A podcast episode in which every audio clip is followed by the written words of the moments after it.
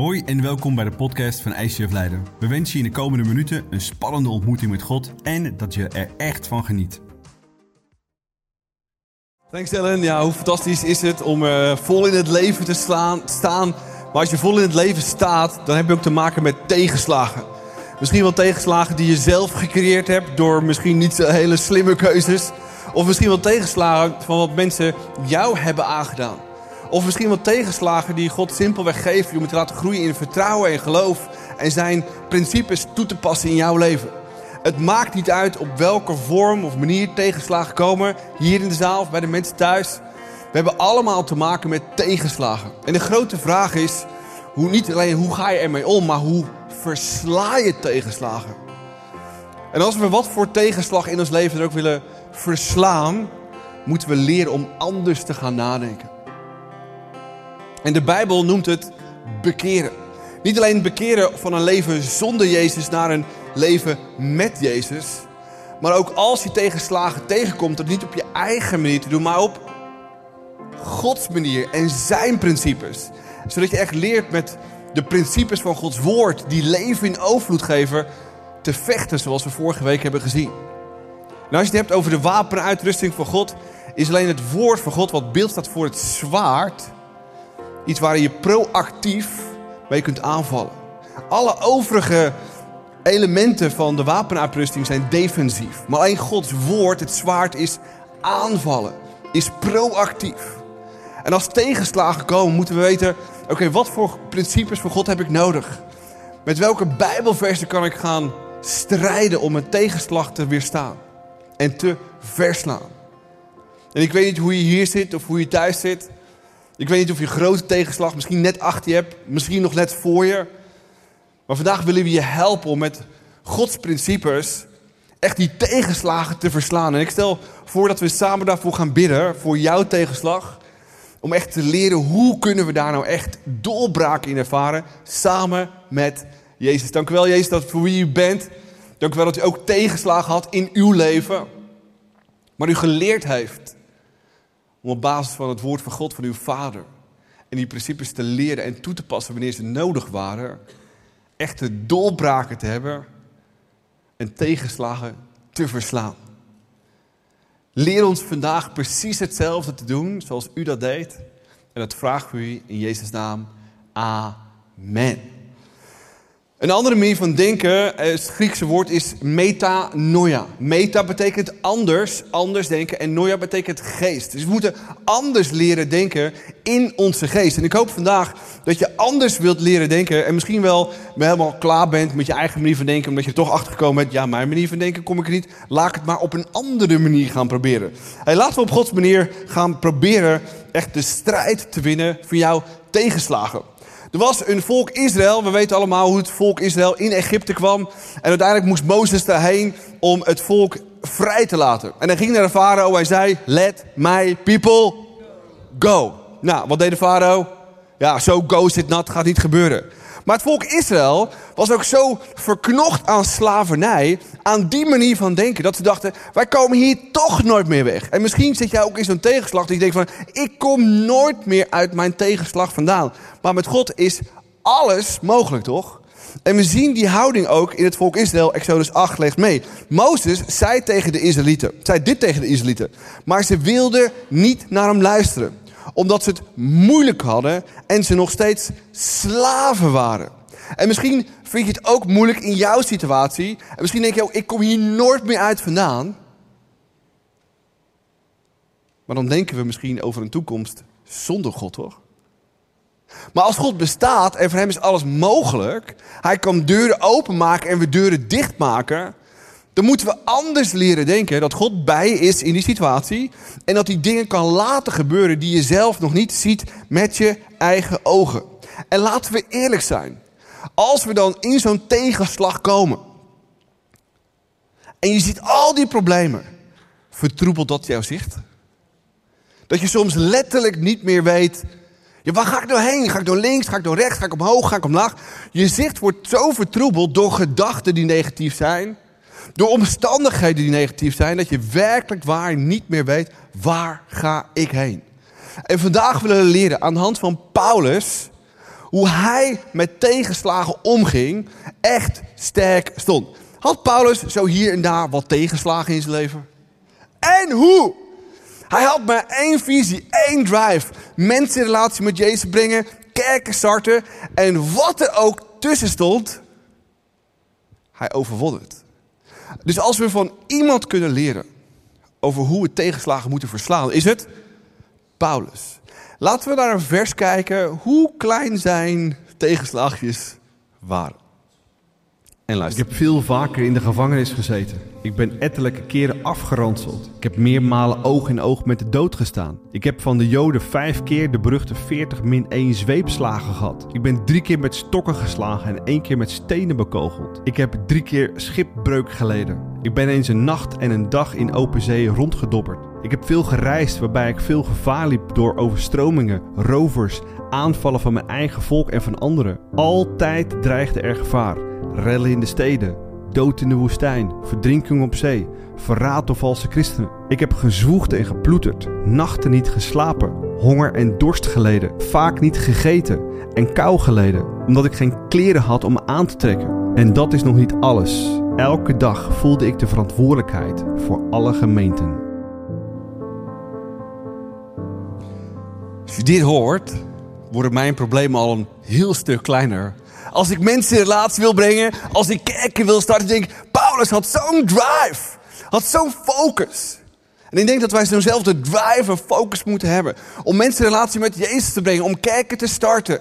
En alles wat daartussen komt, te verslaan. Fijker, leer ons een aantal van die geheimen die Paulus had, om echt tegenslagen te boom verslaan. Yes, want vandaag is misschien wel een hele hoopvolle en nuttige message voor jou. Misschien is vandaag wel de dag dat jij gaat afrekenen met jouw tegenslagen samen met jouw Jezus. Dat je van God een nieuw perspectief gaat krijgen, ondanks jouw tegenslagen. En de eerste key is, vergeet nooit hoeveel God van jou houdt. En dat moeten we in gedachten houden. Als we te maken krijgen met ontmoediging, met tegenslagen in ons leven. Want alles vloeit voort uit de barmhartigheid van God. Alles vloeit voort uit zijn liefde. Alles vloeit voort uit zijn genade voor jou. En als we dat dan weten, waar het uit voortkomt, dat hij voor ons aan het kruis is gegaan, voelen we dat dan ook? Want op het moment dat we zijn liefde niet meer voelen, dan zal er ruimte komen voor ontmoediging in ons leven. En dan zullen we sneller en gevoeliger zijn voor die ontmoediging. Dus we moeten weten en kennen wat Jezus voor ons heeft gedaan, wat zijn genade voor ons betekent. Maar we moeten het ook voelen. En met voelen bedoel ik met elke vezel in ons lijf overtuigd zijn wat Hij voor jou en mij heeft gedaan. Wat Zijn genade en Zijn liefde voor jou en voor mij betekent. En in 2 Korintiërs 4 vers 1 staat het volgende. Omdat God ons zijn barmhartigheid, uh, omdat God ons in zijn barmhartigheid deze taak heeft gegeven, verzaken wij onze plicht niet. En het hele hoofdstuk gaat over uh, tegenslagen, over ontmoediging, ontmoediging, over moedeloosheid. En dat begint met te zeggen, raak, ik raak niet ontmoedigd omdat ik me herinner hoeveel God van mij houdt. Ik herinner me de genade van God en ik herinner me de vriendelijkheid van God. En als ik me daarop concentreer, jaag ik de ontmoediging weg uit mijn leven. Want als je dat niet herinnert, dan zul je elke keer dat je ontmoedigd raakt, de liefde voor God niet meer voelen. En er zijn sommige christenen die zijn al heel lang gelovig en ze volgen Jezus al een hele leven lang. Maar op een, of andere manier komen ze in aanraking met tegenslagen. Uh, ze raken teleurgesteld. En ze voelen de liefde van Jezus niet meer in hun leven. En ze krijgen daarmee te maken. En alles wat God tegen hen zegt, dat klinkt negatief, het klinkt kritisch. Het is net alsof hun eigen vader of moeder iets tegen hun zegt. En die stem in hun hoofd klinkt alleen maar negatief. Maar we weten dat God nooit negatief tegen ons zou praten. En misschien als je hier elke zondag wegloopt naar een bemoedigende message. En je denkt van ja, shit, ik voel weer dat oordeel over mijn leven. Ik doe het nooit goed genoeg. Ik voldoe weer niet aan die bepaalde standaard. Ik schiet weer tekort. En eigenlijk wordt de zondag hier een soort van zonde van de week voor jou. En als God nooit iets aardigs tegen jou zegt, dan is het niet van God. En dan voel je de liefde van God Niet meer in jouw leven. En ik garandeer je dat je daardoor ontmoedigd gaat raken. En je moet juist die liefde en die genade moet je in jouw gedachten houden. Dus als je met tegenslagen in aanraking komt, als er ontmoediging in jouw leven plaatsvindt, bedenk dan dat je gemaakt bent door God om lief te hebben. God heeft jou gemaakt om van jou. Zo goed tape hoor, dit. Hé. God heeft jou gemaakt om van jou te houden. En vaak denken we dat het doel is in ons leven om goed genoeg te zijn. Om aan een bepaald iets te voldoen. Nee, het doel van ons leven is dat we mogen weten dat God van ons houdt. En mijn vraag aan jou is vanochtend. Geef je God daar de ruimte voor. Laat je God toe. Laat je toe dat God van jou houdt. En dat is de eerste key van vandaag. We moeten niet vergeten hoeveel God van ons houdt. En de tweede is, wees echt. En waar ik het over heb, is authentiek zijn, oprecht zijn, nederig zijn, echt zijn. En het is super vermoeiend en ontmoedigend om te proberen iets of iemand te zijn die je eigenlijk niet bent. Om uh, hoog over jezelf te praten of jezelf misschien naar beneden te praten. Maar Paulus was een man die was oprecht en die was nederig en die wist wie hij was in Jezus. En hij stelde zich in dienst van Jezus en noemde dit zelfs een voorrecht. En hij praatte zich niet onnodig naar beneden. En in 1 Korinthe 3 wordt hij op een soort van voetstuk gezet door mensen uit de gemeente, waar, ja, uit de gemeente van de Korinthe. En, uh, maar Paulus had als antwoord dat uh, het niet door zijn werk kwam, maar dat het God was die hem gebruikte en hem de kracht geeft. En dat alleen God het geloof in mensen kan laten groeien. Maar hij had ook heel anders kunnen reageren. Hij had ook kunnen zeggen, ja inderdaad, heb ik toch eventjes mooi gedaan. Het is allemaal dankzij mij. Nee, die houding had hij niet. Hij stelde zich volledig in dienst van Jezus. En als wij een masker dragen, als wij ons anders voordoen, dan zal dat ontmoedigend werken. Dan kan het misschien stress met zich meebrengen. Zijn we misschien bang dat mensen ons gaan zien hoe we liever niet gezien willen worden? En misschien denk je er ook wel van, ja, misschien, ja, als God mij op die manier gaat zien, dan houdt hij misschien niet meer van me. En het gaat er niet om dat je perfect moet zijn voordat God je kan zegenen. Maar wel dat je authentiek en oprecht. Authentiek en oprecht moet zijn in het leven. En wat houdt jou tegen om echt te zijn? Eén woord: angst. Angst om je zwakheden te laten zien. En er is een perfect tegengif voor dat. Dat is Gods volmaakte, onvoorwaardelijke liefde voor jou. En ons doel is om meer en meer als kerk, meer en meer op Jezus te gaan lijken. Angstvrij te leven, de positieve invloed te hebben op onze omgeving. En op het moment dat jij oprecht bent, dat je authentiek bent, dat je enthousiast bent uh, over, over God, dan zal het iets gaan doen in jouw leven. Maar het zou ook iets gaan losmaken uh, in, in, de, in, in jouw omgeving, bij de mensen om je heen, op je werk, bij de vrienden. Uh, misschien wat Ellen net vertelde. Authentiek zijn, mee willen gaan met je vriendinnen, je hart laten zien aan hun. Dan kan het ook voor een verandering gaan brengen bij die mensen. Arie, wat is de derde sleutel? Ja, als we onze visie willen behouden en zicht willen hebben... en dat niet vertroebeld wordt door onze tegenslagen en problemen... moeten we snappen dat het leven niet om jou gaat. Afgelopen week zag ik een post voorbij komen van acteur Russell Brand... Uh, Hollywood-acteur. En hij had een post gedaan... hey, wat is goed leesvoer van me? En er kwamen twee boeken mee. Eén van C.S. Lewis en de ander van Rick Warren, Doelgericht Leven. En als je het boek Doelgericht Leven gelezen, hebt, in het Engels of Nederlands, en je doet de eerste pagina die open, daar staat, het gaat niet om jou. Ons hele leven in deze tijd met social media, alles draait om mij, om mij, om mij, om mij. Iedereen heeft tegenwoordig een platform, Facebook, social media, wat dan ook, om te laten zien, mijn leven, mijn vakantie, mijn nieuwe keuken, mijn nieuwe koker, mij, mij, mij, mij. En dan wordt het heel stil als we opeens in de problemen komen, toch? Ja, want dat moeten we natuurlijk niet laten zien. Maar als het om mij, mij, mij, mij, mij gaat, en ook als het om mijn tegenslag gaat. Oh, het is mijn tegenslag. Oh, het is zo moeilijk. Oh, ik kom hier op uit. Word je dan vertroebeld in je zicht? En we moeten ons dan richten op datgene wat Paulus ook moest leren. Paulus was soms ook mens. Oké, voor mij is hij Superman als Paulus. Maar hij is mens zoals jij en ik. En Jezus was zeker superman, maar ook nog steeds mens. Hij moest dingen leren en wij moeten ook dingen leren. En als we denken dat we het zelf moeten oplossen, zelf moeten doen, sta je open voor drie dingen. Het eerste is, je kunt trots worden. Ja, zie je wel, je kan alles aan. Of je wordt juist door je tegenslag super bang. Of in het ergste geval, je wordt verbitterd. Dat je er niet uitkomt. Dat is altijd ik. Dat is altijd mijn leven. En binnen de kortste keren glij af. In trots, bang of verbitterdheid. Paulus zegt het volgende.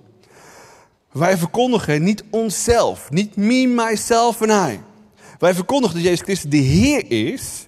En dat wij omwille van Hem dienaren zijn. Dan moet je je voorstellen. Droogte in de woestijn. Op zee. Drie keer schipbreuk geleden. Hij zit.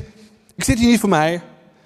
Ja, het is een vervelende situatie. Maar ik, uiteindelijk red Jezus me hier uit. En uiteindelijk kan ik mensen weer in relatie met Jezus brengen. Want ik ben een dienaar van hem. Is dat een andere mindset? Ja, totaal. En als we die andere mindset aanmeten, zijn we zoveel sterker in het leven. En alles heeft te maken met motivatie. Waarom doe je het? En als je in het leven staat, ja, het leven is voor mij, me, myself en I, dan zal het vertroebeld blijven. Wat was de motivatie voor Paulus? Ik word groot, ik word, ik word beroemd en ik word, ik word echt zo bekend op social media dat ik wel 2,3 miljoen volgelingen heb. Woehoe! Had hij dat? Interesseerde hem geen piet. Wat interesseerde hem wel? Jezus. En ik vraag me af hoe wij ons zouden voelen of hoe blurry ons zicht wordt als wij de uitdagingen van Paulus mee zouden maken. Nou, zonder water in de woestijn, slangen om je heen, verraden worden door valse christenen, drie keer schipbreuk geleden, storm over je dak heen, niet in je huis, maar midden op zee. Hoe zou jij je voelen? Moeten we anders leren denken, zoals Paulus? Ik denk het wel. En zolang het om ons draait en God is helemaal niet aanwezig in dat plaatje, heb je überhaupt een probleem. Als we de motivatie hebben, God laat me hierin groeien. En ik kan mensen dienen. En mensen kunnen leren van mijn issues en mijn problemen en mijn fouten. Wordt je visie dan weer meer open? Zo doe je dat vaak. Dat is wat we nodig hebben. Fijke, laten we de volgende zien. Altijd baas. Ook met die ladders was je ook gewoon zo goed. Hè? Jij zit vierde geheim is voel je ontspannen over jouw limitatie. En waarom is dat nu zo'n belangrijk tegengif tegen ontmoediging? Als we dat weten, dan ervaren we vrede bij het feit dat we maar een beperkt aantal tijd hebben. We kunnen niet iedereen maar helpen en hun problemen oplossen. Hebben, dat we weten dat we een limiet hebben op onze financiën, dat we geen geld kunnen uitgeven, dat we niet hebben. En als we dat wel doen, dan komen we in de schulden. Heb je wel eens geprobeerd om een superman of een supervrouw te zijn? Meer te doen dan ja, waar je eigenlijk tijd voor had of geld voor had. Dat je overal ja tegen zei. Na verloop van tijd ga je merken dat het eigenlijk allemaal te veel is. Is het makkelijker om je agenda te vullen dan ja, uh, te vervullen? Ja, is het makkelijker om in de schulden te komen dan eruit te komen? Is het makkelijker uh, om, uh, ja, is het makkelijker om een belofte te doen dan een belofte na te komen? Ja, zeker. Elke keer dat je niet binnen die limiet, niet binnen die beperkingen leeft, zal je teleurgesteld en ontmoedigd raken. En Paulus spreekt in vers 7 over de fysieke beperkingen van je lichaam. En hij zegt, maar wij zijn slechts een aardepot voor deze schat. Het moet duidelijk zijn dat onze overweldigende kracht niet van onszelf komt, maar van God. Dat we dat nu begrijpen is als een kostbare schat. Maar die schat zit in een breekbare kruik. Dat is ons lichaam. En die kracht die in ons is, is groter dan elke andere kracht. Het is niet onze eigen kracht. Het is Gods kracht in ons. En hij zegt dat onze lichamen, wij als kleipotten zijn. En sommige van ons ja, zijn hele lange potten, zoals Ari. Sommige zijn hele mooie en sierlijke potten, zoals mevrouw. En sommige zijn hele eenvoudige potten, zoals ik zelf. Ja. En weet je wat we allemaal gemeen hebben met elkaar? Als je het aardewerk laat vallen, dan breekt het heel gemakkelijk. En God zegt dat ons lichaam op een kleipot lijkt. We zijn er breekbaar, we zijn imperfect. En dat is gewoon eerlijk denken over ja, wie we zijn. Maar God legt vaak zijn grote gaven en talenten in die zwakheden. Waarom?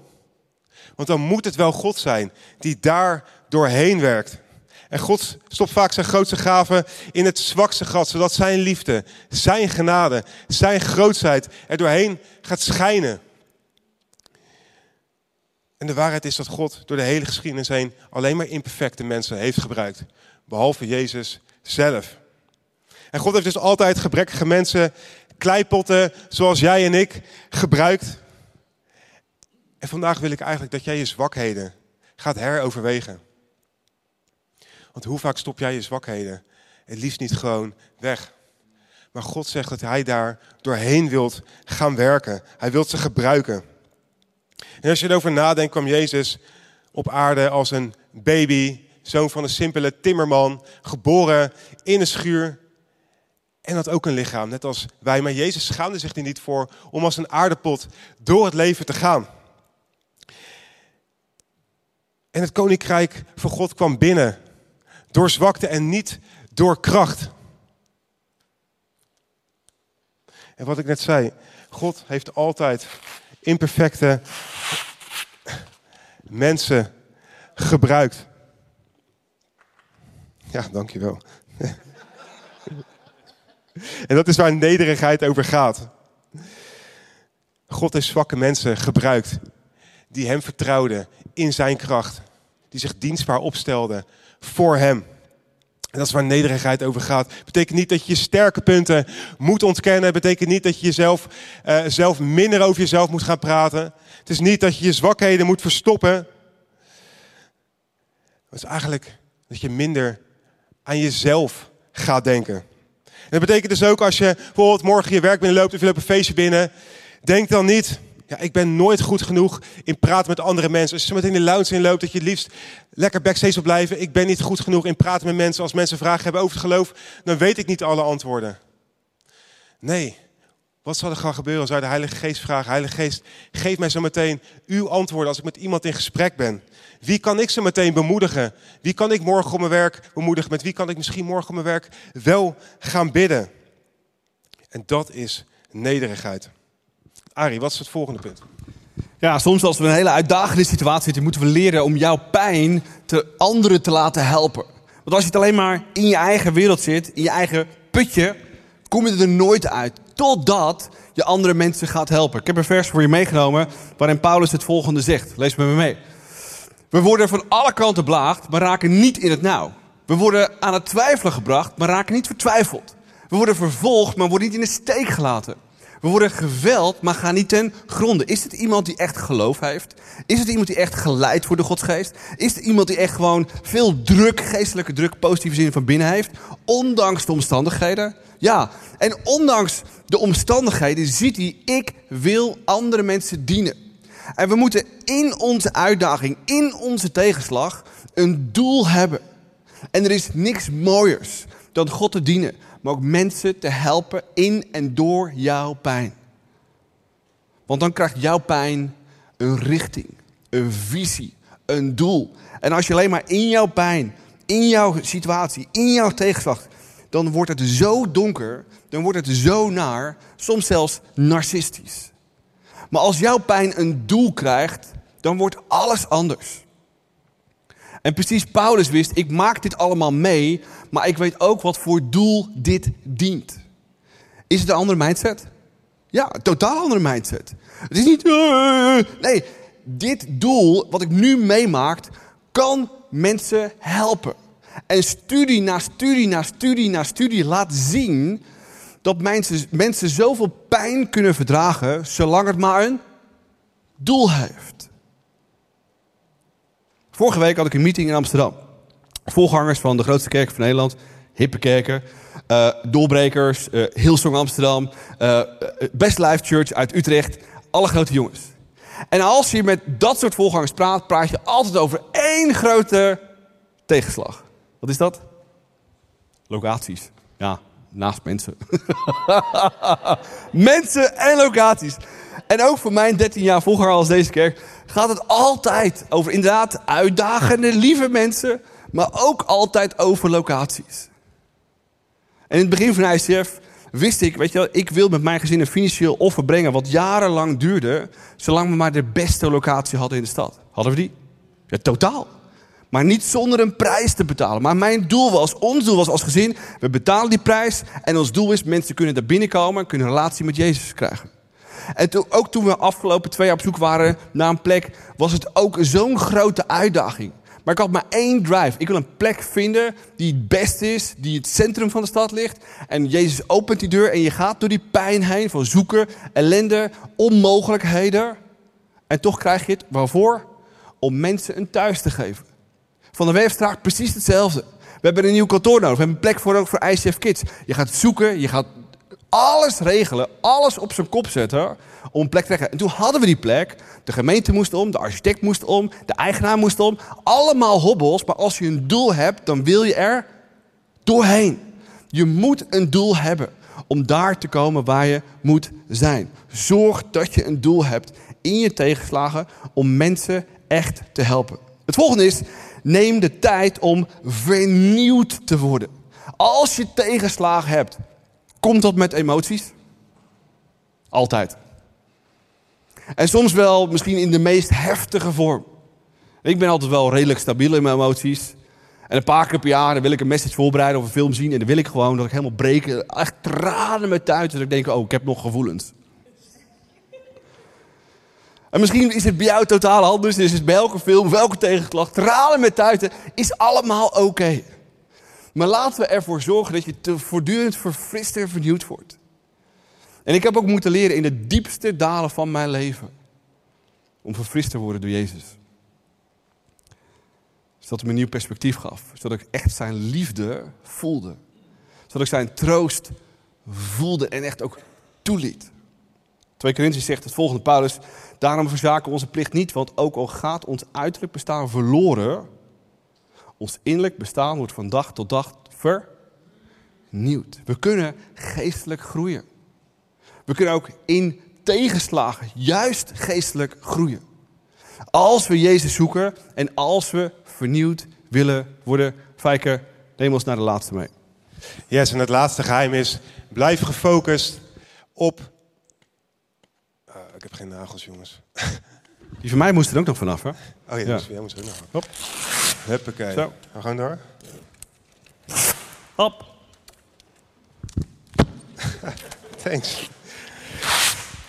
Bijna. Bijna. We zijn niet perfect. Blijf gefocust op de... Ja, jawel. Blijf gefocust op de eeuwigheid. En waarom is dat zo belangrijk? Nou, als je blijft kijken naar het hier en nu. En ik weet niet wat jij ziet, televisie aanzet, al die oorlogen, al die problemen. Misschien is het wel dichterbij. Ervaar je misschien geldzorgen, verslaving, uh, noem het maar op. Paulus zegt, we moeten ons perspectief veranderen. We moeten gaan kijken naar die eeuwigheid, wat daar voor ons klaar ligt. En Paulus zegt daar het volgende over. Onze moeilijkheden en pijn zijn uiteindelijk niet zo groot en zullen ook niet zo lang duren. Maar het gevolg ervan is dat wij voor altijd in Gods heerlijkheid en nabijheid zullen leven. Dus kijken wij niet naar wat zich voor onze ogen afspeelt, maar wij kijken uit naar wat wij nu nog niet zien. Alle zichtbare dingen zijn tijdelijk. Maar de dingen die nog niet zichtbaar zijn, zullen eeuwig blijven. En dit is een man die dus drie keer schipbreuk heeft geleven, geleden. Is verraden, 40 eh, min 1 zweepslagen heeft gehad. Niet één keer, maar volgens mij zelfs eh, twee of drie keer. Uh, schipbreuk heeft geleden, honger heeft geleden, het koud heeft gehad omdat hij geen kleding aan had. En hij zegt, mijn problemen zijn klein vergeleken met wat? Vergeleken met de eeuwigheid. Dat is een heel ander perspectief dat Paulus heeft. Hij zegt dat zijn problemen klein zijn, vergeleken met alle beloningen en vreugden die voor hem klaar liggen. En dat betekent eigenlijk, stel voor dat je 100 jaar zou leven. En iedere dag zou jij problemen ervaren. Misschien chronische pijn, chronische ziekte. Dan zal dat vergeleken met de eeuwigheid eigenlijk maar een moment zijn. En misschien denk je, ja Paulus, dat is mooier gezegd dan gedaan. Mijn problemen, die groeien me momenteel bij, boven mijn hoofd. Ze zijn helemaal niet licht, juist zwaar. Maar wat zou er gaan gebeuren als wij het perspectief veranderen en ze gaan afwegen tegen de eeuwigheid? Wat zal er dan zwaarder wegen? Juist, de eeuwigheid. Waar je bij God bent en er geen pijn en verdriet meer zal zijn. Weet je, er zijn drie soorten motivatie. Motivatie is belangrijk om door te gaan in het leven. We hebben een interne motivatie, je wilt iets uit jezelf bereiken. Externe motivatie, motivatie dat van buitenaf komt. Maar iets dat sterker is dan de interne, externe motivatie, is de eeuwige motivatie. Dat wil zeggen dat er een volgend leven is bij God, zonder pijn, zonder schuld, zonder oorlog, zonder verdriet. En alle zichtbare dingen van deze wereld zullen tijdelijk zijn. Je geld, je huis, alles wat je kan zien. En dat is het perspectief wat wij moeten hebben. Ja, zeker. En je merkt dat Jezus dat perspectief had toen hij voor jou en mij aan het kruis ging. Hij had dat eeuwigheidsperspectief, want toen hij aan het kruis ging, als zoon van God, zag hij mensen zoals jij en ik. Sterker nog, hij wist dat je geboren zou worden. Hij keek jou in de ogen en hij stierf voor jou. Kun je je voorstellen? Was dat een groot doel in zijn grootste tegenslag? Niks was belangrijker voor hem dan dat. En ik denk dat wij dat ook moeten leren. En het enige wat we ervoor nodig hebben is geloof.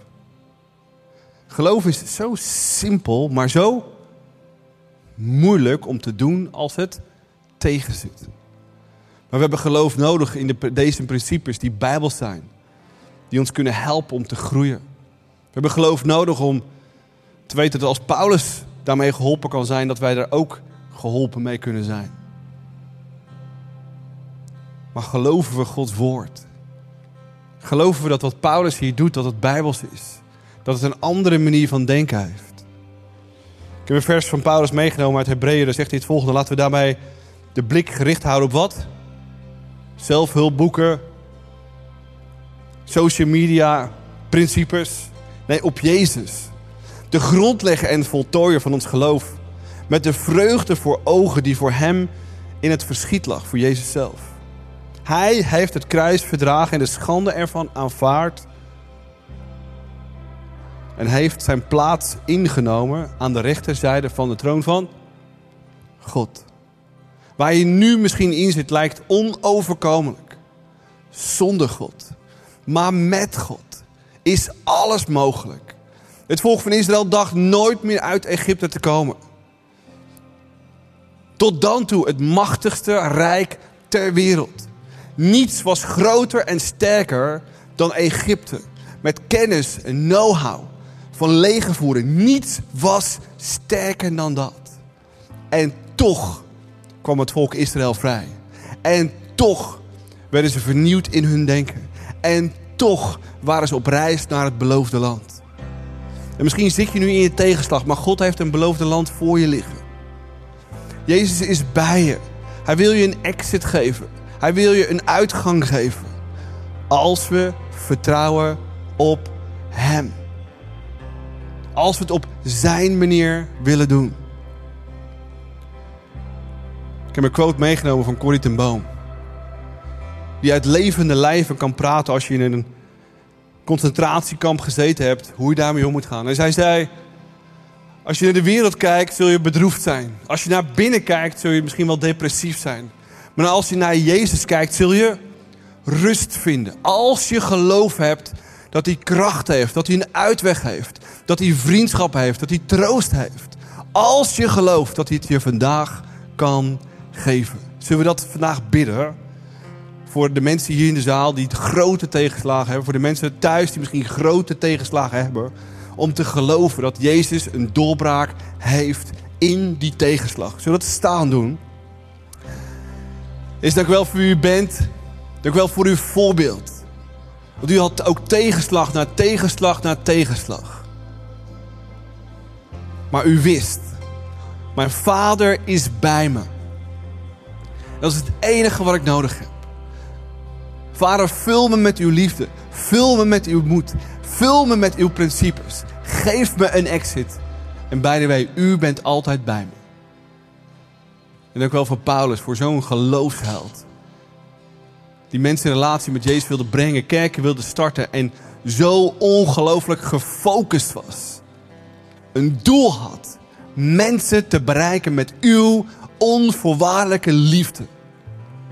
En hoe anders is het soms bij ons? Dat we zo menselijk reageren. Zo in de put blijven zitten alsof u niet bestaat. En vandaag willen we een statement maken. Onze gedachten veranderen. Onze gevoelens veranderen.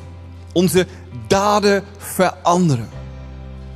Dat we niet leven alsof u niet bij ons bent, maar dat u wel bij ons bent. Dat u niet dood bent, Jezus, maar springlevend. Sterker nog, u kunt met uw geest in mij wonen. Mijn nieuwe energie, nieuwe kracht, nieuwe vriendschap, nieuwe troost. Nieuwe principes, nieuwe gedachten geven.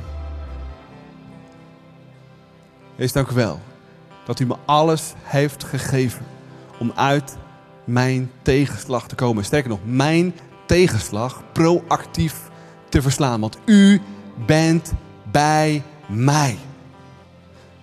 En vandaag wil ik uitspreken: U bent bij mij. Ik laat me elke dag verfrissen en vernieuwen in mijn denken door uw woord. En u geeft mij doel in mijn pijn en door mijn pijn. Net zoals Paulus dat deed. Om mijn tegenslagen te verslaan. Om daarna weer groot gebruikt te gaan worden. Net zoals Paulus. Mensen in relatie met u te brengen. Kerken te starten. Succesvol te zijn in mijn werk, in mijn gezin, in mijn huwelijk. Dank u wel dat u bij ons bent in onze tegenslag. Maar geef het doel, geef een richting. Alles wat ik nodig heb. In Jezus' naam. Amen. Wij hopen dat deze podcast je heeft geïnspireerd en verder geholpen heeft in je relatie met God. Wanneer deze podcast je geraakt heeft en je de inhoud ervan wilt helpen verspreiden, deel dan deze aflevering op jouw favoriete social media platform. Op deze manier horen meer mensen over Jezus en deze boodschap van hoop. Je kunt ons ook financieel ondersteunen, waardoor we een maximaal bereik krijgen op het internet en nog meer mensen nieuwe hoop krijgen. Bedankt voor alles wat jij mogelijk maakt. We geloven dat kerk een familie is, dus of je nu live erbij bent of online meeluistert, we willen jou graag persoonlijk leren kennen. Als we jou persoonlijk verder kunnen helpen, dan horen we dat graag. Check voor info en meer mogelijkheden op onze website. Fijne dag.